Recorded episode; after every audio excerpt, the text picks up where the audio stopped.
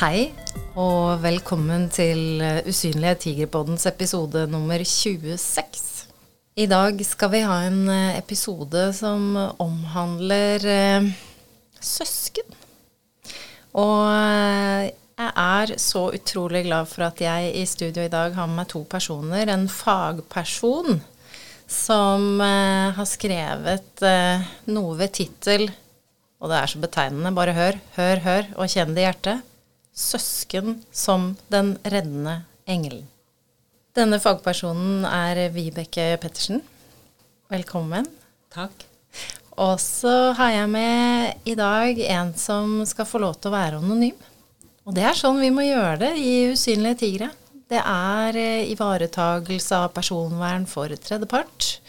Og, eh, men likevel er det jo utrolig viktig å få stemmen ut fra de som faktisk står midt oppi det.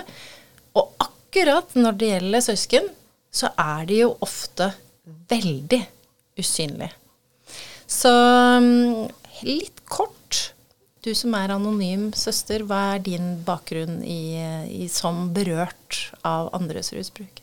Eh, min bakgrunn er eh, Jeg er da både søsken og har også en far som også er alkoholiker. Uh, men jeg har en bror som har rusa seg over 30 år. Mm. Så jeg har stått i det lenge. Mm. Og underveis der så Vi har snakka litt før podkasten. Det mm. som skjer med oss som er søsken, er mange ting underveis. Veldig mange. Veldig mange ting. Og det er jo noe med at man kan underveis der plutselig liksom se at man har opplevd noen spesielle episoder. Mm.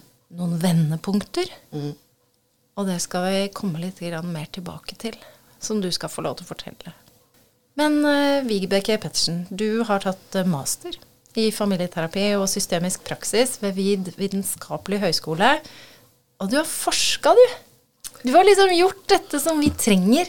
Og det er å rett og slett se på oss og, og hvordan Og akkurat den tematikken. Hvordan konstruerer søsken av rusmiddelavhengige sin identitet? Hva, hva, først må jeg bare spørre deg. Hva i all verden var det som fikk deg til å ville forske på dette? Først og fremst så har jeg et engasjement for rusfeltet og veldig opptatt av pårørende. Spesifikt søsken handler nok om at jeg ikke fant noe om det. Jeg snakket med veilederen min, og hun sa hvorfor ikke forske på det? I Norge så er det faktisk, eh, da jeg gjorde denne studien, ikke noen eh, studier. Eh, så det er, tror jeg, den første i sitt slag. Så kan det hende at det har kommet flere i etterkant. da. Det som gjorde at jeg ville dypdykke inn i søsknene, var at for det første så visste jeg lite om dem. Jeg hadde hørt litt om dem.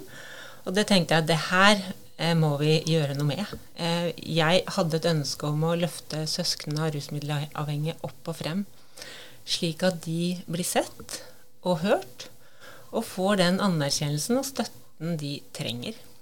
Og, og i dette her um, for, Fordi man har um, som søsken Vi hadde jo Vi arrangerte jo i fjor sommer eh, Tigercampus 2022 hvor 50 berørt av eh, rusavhengige, eller de som er pårørende, da, fikk komme. Og der var vi jo både i ulike relasjoner. Vi var eh, søsken, vi var mødre, fedre, barn av, eh, og andre relasjoner også.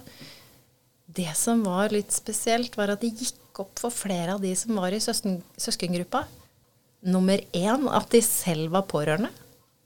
For det er det jo mange søsken som tenker at det ikke er. For de tenkte jo nei, det er mamma eller pappa som er pårørende. Jeg klarer meg jo og alt dette her. Og ikke bare er de liksom pårørende selv til én, til den som er rusavhengig, men de blir jo pårørende til egne foreldre ofte også. For de skal jo hjelpe til overalt. De havner i et krysspress hvor de prøver både ta vare på foreldrene sine, og i tillegg prøver de å redde bror eller søster som ruser seg. Og gjennom det så tilsidesetter de jo egne behov. Glemmer bort seg selv. Og som du sier, er ikke helt klar over at de er pårørende.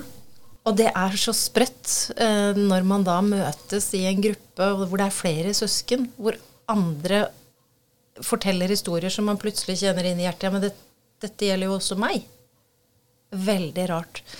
Um, du som er søster, um, kan, du, kan, du, si litt om uh, fordi når du har stått i dette i så mange år, over 30 år, på hvilken måte har det påvirka deg, sånn som du kan se det nå, med noe automønstre som, som du, du, kan se at du har gått inn i?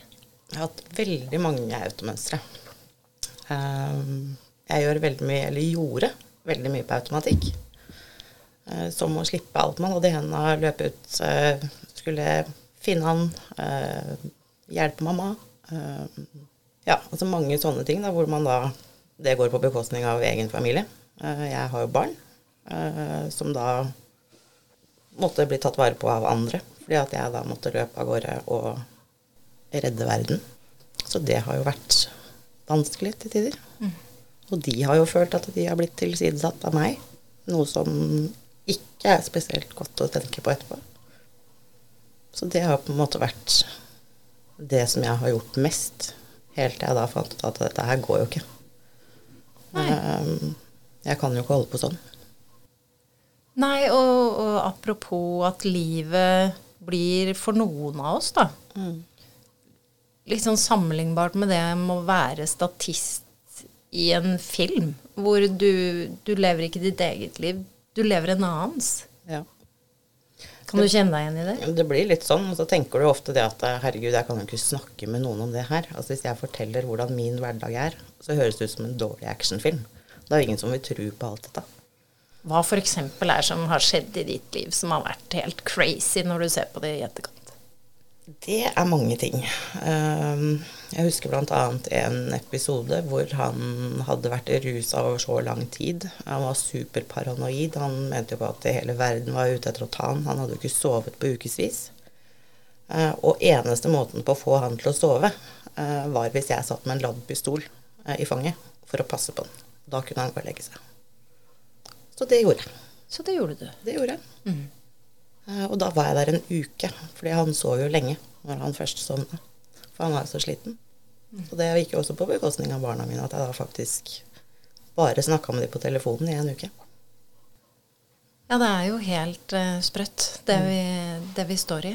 Uh, og en ting er våpen, en annen ting er uh, det man plutselig kan bli involvert i når det gjelder penger og mm tilgang på Plutselig så fins det rusmidler. Ja. ja, det også har jo skjedd. Jeg har jo funnet eh, poser med amfetaminrester i askebegerne hjemme hos meg sjøl. Eh, hvor barna mine sitter og spiser is på verandaen. Um, vi har jo hatt folk på døra som skal kreve inn penger. Uh, politiet har jo kommet i tid og ut i det. Så det har vært veldig mange sånne type ting, da. Mm det er jo ikke spesielt eh, koselig verken for store eller små. Mm. Og det rare er at uh, til tider så kan man nesten oppleve at det blir en del av hverdagen. Det blir liksom Det, det er liksom bare å høre med til det rare livet vårt. Det blir jo en del av normalen, da. Det er jo det som er den hverdagen vi har. Og hva gjør man? Altså det er det som, som skjer hver dag. Det er det man står i. Det er det man gjør ting på automatikk på. Og tilbake til den oppgaven uh, din, Vibeke.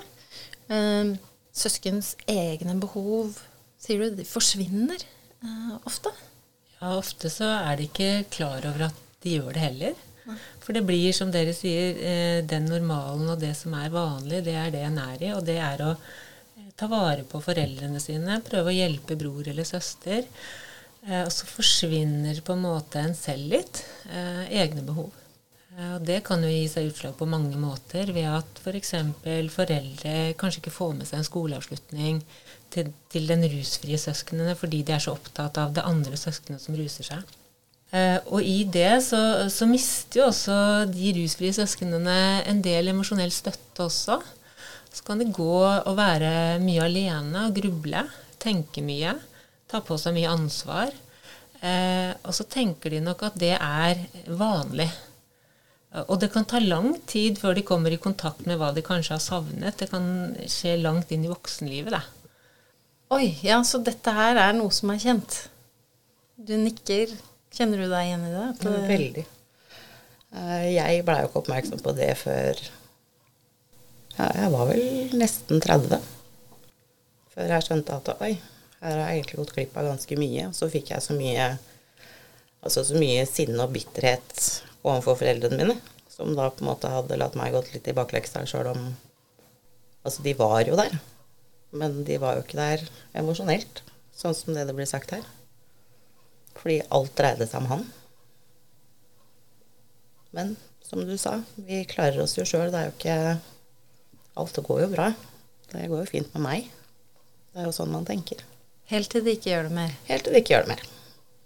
Fordi det er jo det vi ser da, på, for mange av oss som har stått i dette over lengre tid. Og det er jo forska på dette også. Eh, vi har jo hatt uh, din veileder, eller din kollega Siv Redde Myra, her i studio før.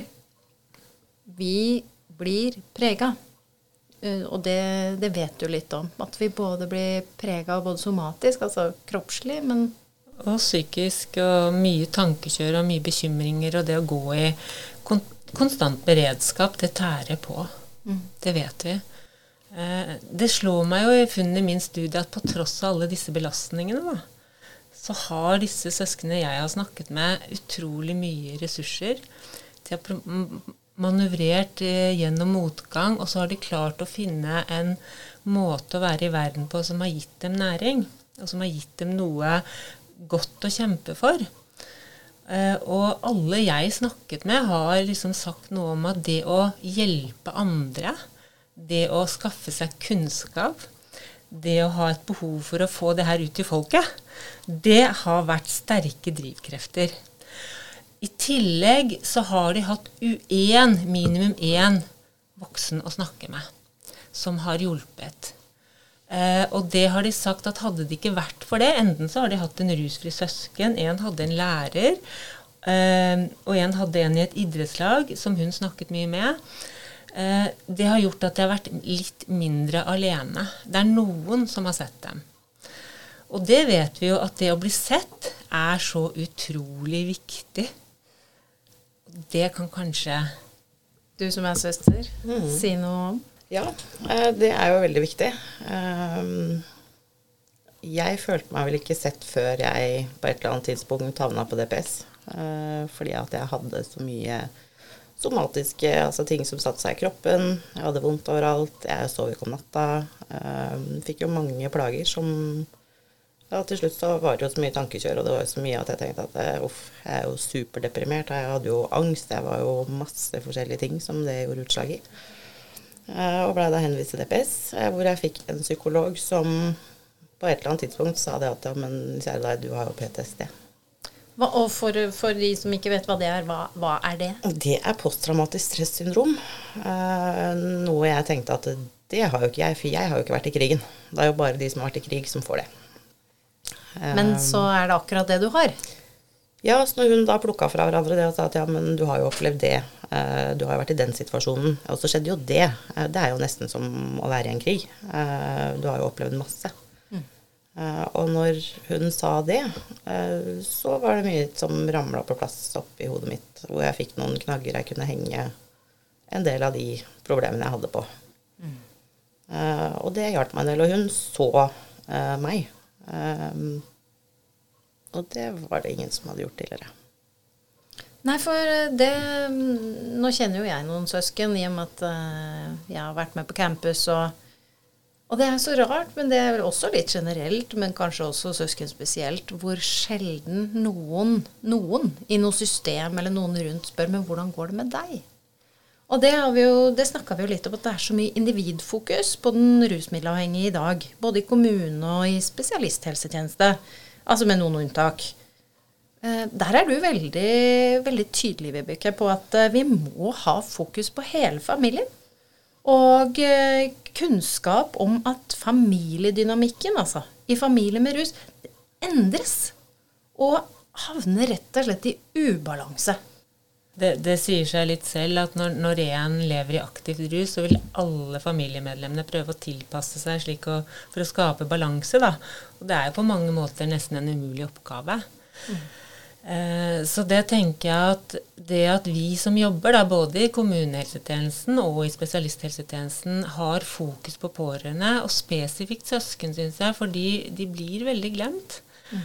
Eh, vi har gode rutiner på å prøve å fange opp barn. Det er liksom prosedyre på det. Men søsknene, der er det dårligere stelt. Ja. Så der har vi en jobb å gjøre. Både fagfolk, men også alle tenker jeg, voksne da, som ser barn, enten det er i skole, barnehage, på jobb, og prøve å fange opp. For vi vet jo det at eh, barn de trenger noen voksne som kan hjelpe dem. Mm. Til å prøve å sette ord og si 'hvordan går det nå med deg', og kanskje også ufarliggjøre det litt. For det er ikke tvil om at det er mye skam og stigma knyttet til det å snakke om rus. Og det å fortelle og være åpen om å ha en bror eller søster som ruser seg, det er vanskelig for mange. Både for søsknene, men kanskje også for foreldrene. Så blir det en sånn slags usynlig hemmelighet i familien som aldri snakkes om. Så det tenker jeg, der har vi et stort ansvar som samfunn å løfte det opp og ut. Mm. Slik at barn og søsken i alle aldre kan få muligheten til å si noe om hvordan de har det, også få støtte og hjelp. For det fins jo hjelp, men den hjelpen, altså apropos det at i hver klasse fins det jo fra én til tre som barn, i alle klasser i hele Norge i gjennomsnitt som lever i en familie hvor det er en eller annen, et eller annet medlem i den familien som ruser seg såpass mye at det preger familiedynamikken. Og det er så viktig. Vi har jo lagd podkast nå for en god stund siden, over tre år siden, med Trond-Viggo Torgersen, hvor han også sier det. Det er så viktig at vi snakker om det i de klassene, sånn at de elevene der som står i det, ikke trenger å si det selv, men at man har faktisk snakket om det om tematikken. At det er vanlig, at det fins hjelp. Fordi på samme måte som det å klare å Det er så vanskelig å søke den hjelpen selv. Derfor så må vi tilby den. Vi må bry oss. Og det Du, du sier jo det, ikke sant. Søsknene må i langt større grad enn det som er tilfellet, fanges opp. I, altså, og da refererer du til helsepersonelloven 10A 2018. Ja, den er jo ganske fersk. Ja, så det er jo litt sånn åh, vi, vi, har et arbeid å gjøre. Vi har et stort stykke arbeid å gjøre, og, og, vi må begynne nå. Og hvordan skal vi begynne med dette her, da?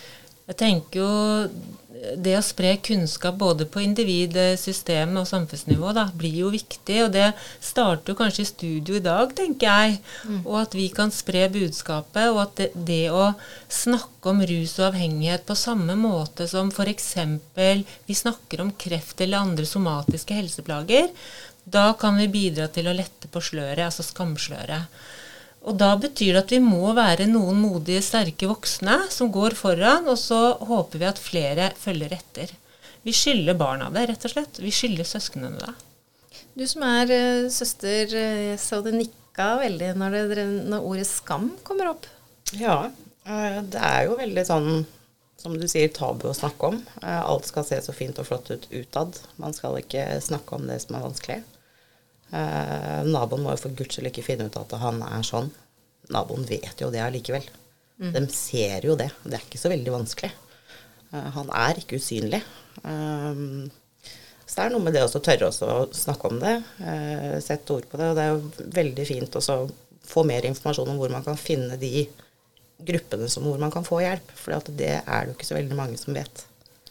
Ja, og det Vi har jo en hjemmeside, usynligtigre.no, hvor en av fanene der er å søke hjelp. Ja. Og på den siden der så har vi samla opp gjennom flere år eh, i en anonym spørreundersøkelse de hjelpetilbudene som pårørende i hele Norge har eh, benyttet seg av og som de har spilt inn. Så der har vi samlet en god liste over hjelpetilbud som finnes i Norge. Og den kan jo også nå være Det kan finnes flere òg, for all del. Mm. Så det, det, er mulig å spille inn. Men det å få synliggjort at svært mange familier blir berørt, og det snakkes ikke så mye om. Det er skam, og det er tabu, og det er fasade. Og Vibeke, igjen, du, du, du er ganske bestemt på at eh, ja, kunnskap må spres slik at en sånn tilsynelatende vedtatt i anførselstegn sannhet, en forforståelse om at anførselstegn, alle som ruser seg, kommer fra dårlige hjem, anførselstegn, den må ugyldiggjøres. Ja, det, det, er på høy tid. Det er jo veldig mye sånn historisk sett så er det alle som ruser seg, kommer fra dårlige hjem. Det det vi, ja, den har hatt den forferdelig triste oppveksten. Det har vært dårlig foreldreskap. Og det stemmer jo ikke alltid. Ja, det er noen som kommer fra veldig traumatiske oppvekstforhold, men i langt større grad så kommer veldig mange fra helt vanlige hjem med gode foreldre, ok forhold, og så begynner de å ruse seg. Eh, og det er jo veldig mye moralisme ute i samfunnet knyttet til rus. Eh, det er jo bare å ta seg sammen. Hva er det, liksom? Eh, jeg tenker at det å synliggjøre at alle, de aller fleste, kan bli rammet, mm. uavhengig av sosioøkonomisk status, så kan vi selvfølgelig gå inn og ha en mer nyansert debatt om akkurat det. Men jeg tenker at det er så mange og mange som jeg har møtt, og i studien min, de kommer fra OK hjem, de. Og de, de, har foreldre som har gått rundt og skammet seg, ikke turt å snakke om det. Og de har selv også holdt mye i skjul nettopp pga. det. De vil jo ikke sette foreldrene i dårlig lys, f.eks. Mm. Og, og da setter du opp noen sånne doble stengsler på alle mulige måter. Eh, og vi vet jo også at på små steder f.eks så blir det jo til og med vanskelig å delta på hjelpetilbud. Fordi man er jo livredd for at bilen skal se, synes da, der i, like ved det stedet hvor Altså at man skal bli sett. Alle kjenner alle. Alle kjenner alle mm. på små steder og sånn. Kanskje litt uh, lettere i storbyene, men likevel også mye som, som blir vanskelig da, for å søke hjelp. Men kunnskap, forståelse, det kan altså bidra til at man får til at en avstigmatiseringsprosess finner sted. Som søster har du kjent på skam? Ja, eh, vi er jo vokst opp på et lite sted eh, hvor alle kjenner alle. Hvor du får høre at 'Å, gud, der går søstera til han der eh, du vet, som alle er redd for'. Så du jo, får jo en viss følelse av at alle snakker om deg, alle ser på deg, alle veit hva han driver med. Altså det er jo ikke det er ikke så veldig kult. Så man kjenner jo litt på den der skamfølelsen. Mm. Man gjør jo det. Og med det, den viktigheten vi alle Det med, det med å være tilhøre noe. Mm. Og det å bli ensom pga. et familiemedlems rusbruk, det vet vi jo også at søsken kan kjenne på. Venner faller fra. Ja. Foreldre forteller liksom Nei, du må ikke henge med den, fordi at det er der i familien. Der. Der er det problemer og greier. Det må du ikke henge med. Så øh, ja, det er vanskelige forhold for flere. Og det derre som skjer da, når vi som søsken, som kanskje ikke tenker på at vi selv er pårørende, som ikke tenker på at vi selv er berørt, plutselig en dag kjenner på smerte smerter eller problemer eller å lure på Da kan vi jo gå til fastlegen og si 'Jeg har så innmari vondt i huet. Jeg sover så dårlig'. Sånn, det er litt sånne ulike sånne kroppslige eller, eller psykiske ting som kan komme. Hva, hva, kan man gjøre da, Vibeke? Skal man gå til fastlegen? Altså liksom Skal man si det Du, faktisk det, det, Altså, jeg, jeg, jeg lever jo i en familie hvor det er rusproblemer. Kan det, noe, kan det ha noe, å si? Kan jeg henvises noe sted? Hvor fins det hjelp? Kan, fast, altså, kan fastlegen bidra her? Jeg tenker at det er utrolig viktig å ha en åpen dialog med fastlegen og fortelle hvordan det faktisk er, og hvordan det påvirker både psykisk og fysisk helse. Så kan fastlegen henvise til eh, hjelp i spesialisthelsetjenesten. Da kan man jo f.eks. Det er jo A-sentre flere steder i Oslo bl.a. Og det er sikkert også utover i landet. Sykehusene har også spesialisthelsetjeneste som er gode på rus og skal ha fokus på familier. Så det å kunne snakke med en fagperson tror jeg kan være en god start mm. på veien videre til å få det bedre. I tillegg til veldig mange andre ting, da. Men det er jo nettopp det å få litt kunnskap om sammenhengen mellom det å leve i beredskap og bekymre seg og kanskje miste søvn og må sykemelde seg fra jobb, kanskje. Det er mange ting som skjer for søsken. Eh, som de kanskje ikke helt er klar over har sammenheng heller med belastningene. Og Da er det lurt å snakke med fastlegen, som kan hjelpe til å sende en henvisning. Ja, for det er vel det som liksom Jeg lurer på, Har du kjent på det også? At, at, du, at du, ikke sjøl visste at eh, det du har stått i, har bidratt til å skape de plagene du står i og har i dag. Mm. Eh, Det er jo noe med ja, som hun sier, altså søvnproblemer, vondt i kroppen, eh, det at man hele tiden er i beredskap, altså det gjør noe med deg. Du blir veldig sliten. Eh, Men så veit du jo ikke er det noe feil med meg, er jeg syk, hva er det egentlig? Og derfor er det jo viktig å ha en kommunikasjon med fastlegen og tørre også å si hvordan ting egentlig er, sånn at han kan si at det finnes en sammenheng mellom alle de vondtene man har. Altså for det psykiske setter seg og forblanter seg jo i resten av kroppen. Så der har man fått litt av alt, Uten å vite det. uten å vite det. Underveis. Som igjen har ført til lange sykemeldinger. Eh, til slutt så endte det opp med en uføresøknad. Fordi man rett og slett ikke klarer å være i en jobb fordi at man ikke får hvilt nok. Man ikke, har ikke nok energi. Eh, fungerer ikke i hverdagen. Man har nok med å bare klare de vanlige gjøremålene som man må gjøre hjemme. Da blei det ikke egentlig sånn man kanskje hadde noen gang trodd. Det blei ikke helt som man hadde trodd. Det blei ikke det. Det var ikke dette som var planen. Du skriver jo litt om mestringsstrategier, eh, Vibeke, og du nevnte litt at det som flere søsken driver med, er jo det å hjelpe andre. Blir vi sykepleiere og velger omsorgsyrke? Er, er det det vi gjør, eller hvordan, hvordan ser du på det? Ja, altså Mange havner jo inn i hjelpeyrker sånn rent direkte, sånn som du nevner sykepleie, leger osv. Mens andre begynner å jobbe frivillig. Noen blir advokater og vil endre lovverket og jobbe på systemnivå. Men, men det slår meg jo at det er ganske mange som vil inn og hjelpe og spre budskapet og få det frem i lyset. Dele sine erfaringer da, eh, med mål om at det kan hjelpe andre. Kanskje på et tidligere tidspunkt enn det de selv har fått hjelp. Ja. Og der er vi jo så veldig forskjellige, men vi vet jo at jo tidligere søsken får mulighet til å sette ord på det, få støtte, få hjelp, jo bedre blir prognosene. Så slipper det å gå i 30-40, noen også 50 år før liksom de klapper sammen og det blir for mye, da. Og du, du jobber jo med å være Heter det veileder, eller du, du Kaller meg rus- og familieterapeut, ja. Rus- og familieterapeut. Så, så du tar imot eh, også søsken som blir henvist til deg, men, men som kommer og snakker med deg. ja. Men de er færre enn de andre pårørende. Så det er kanskje fordi at de ikke, som vi har snakket om, er helt klar over at det fins hjelp.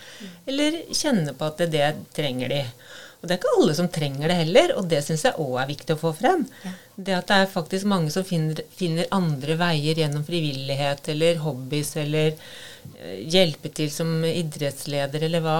Alle veier funker jo. Eh, Ikke alle må inn i liksom hjelpeapparatet, men for de som trenger det, så fins det hjelp å få. Vi skal eh, runde av ganske snart. En ting som er sikkert, da, som vi snakka litt om før vi gikk inn her, søsken må opp og frem. De må opp og frem. Det er helt, helt uh, tydelig. Og det å etablere f.eks. søskengrupper, altså både barn og voksne egentlig, men både i kommune- og spesialisthelsetjenesten, Det burde være rutiner for å fange dem opp, eh, rett og slett. Og at de kan starte med individualterapi og eventuelt eh, inn i grupper da, for de som trenger det. Men det er et stort stykke arbeid, og det må planlegges. Og det må forankres på systemnivå. Det kan ikke være opp til den enkelte engasjerte hjelper. Nei, så vi har en vei å gå. Du som uh, søster, hvis du på en måte hadde fått muligheten til å se deg selv for 30 år siden, hva kunne du hatt lyst til å sagt til deg selv eh, på den tiden da alt starta? Det er egentlig et veldig vanskelig spørsmål. Eh, Men jeg hadde jo hatt et ønske om å se meg sjøl litt mer. eh, Og faktisk eh, sette noen grenser for meg sjøl, som jeg har blitt flinkere på nå. Eh, det har tatt mange, mange år. Eh, Og det også vite om at det faktisk finnes steder hvor man kan få hjelp. For det har jeg jo ikke hatt før i voksen alder. Og hjelp hjelpa du fikk, hvor fikk du den? Går det an å spørre? Var det Altså, den fikk jeg via fastlegen. Ja, ikke sant. Mm. Så det gjorde du. Ja. Flott. Og i etterkant av det så har jeg også vært eh, med i grupper, altså for søsken, eh, barn av osv. Mm. Uh, og det har hjulpet mye å kunne snakke med andre som også har det på samme måte, for man går jo rundt med en følelse av at det er bare jeg som har det sånn. Eh, det er ingen andre som har det på den måten. En vond følelse, men godt å komme i nettverk. Absolutt. Med noen som vet akkurat hvordan du har det. Ja, da blir man sett og skjønt og hørt på en helt annen måte enn ellers. Og så nevner du en veldig viktig ting, det med å sette grenser. Mhm. For hva, hva innebar det for deg til slutt? Eh, Det innebar at jeg brøyt all kontakt eh, og sa at så lenge han ruser seg, så kan ikke jeg ha noe med han å gjøre. Eh, Og som jeg sa til mine foreldre også, hvis det innebærer at jeg da heller ikke kan ha kontakt med dere, så blir det sånn. Fra nå av så er det meg og mine barn som er i fokus. Og sånn ble det. Hvordan er det for deg nå? Det er helt greit. Um, Sånn i forhold til han, så er det greit. Eh, Det har også gitt han en oppvekker. Han har jo nå gått et halvt år uten å ha noe kontakt med søstera si, noe som har gjort han veldig vondt. Som har gjort at han har søkt hjelp. Eh, Så han er i behandling. Eh, Så jeg håper at han gjør det for egen del, og ikke for andres del. Så får vi se hvordan det går. Men det har også gjort noe med forholdet mitt til moren min, annet. Altså hvor hun ser meg på en annen måte og respekterer at jeg har de grensene som jeg har. Hun drar meg ikke lenger inn i alle problemer, um, og det er veldig bra. Så slipper jeg på en måte å høre om alt det som er vanskelig. For det er jeg ferdig med. Ikke sant. Mm. Du smiler. Det, det er en god følelse når du har på en måte klart å sette de grensene og gjøre noe godt for deg sjøl. Det er jo det det handler om.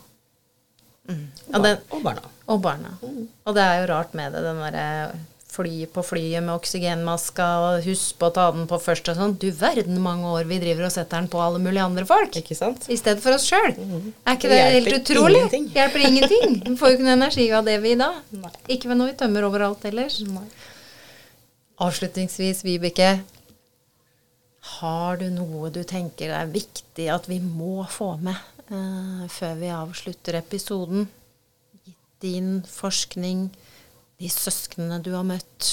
Jeg tror jeg bare kan gjenta det at vi må passe på å sjekke ut og utforske hvordan søsknene også har det.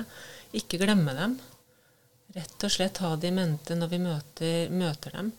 Hvor som helst. Det kan være på skolen eller på idrettsbanen eller eh, hos vennelag eller hvor som helst. Altså, man kan jo raskt fange opp hvis, hvis det er et barn eller noen, noen som sliter. Bare spør litt. Vær litt omsorgsfull. Eh, snakk med, med skolen, altså helsesøstre.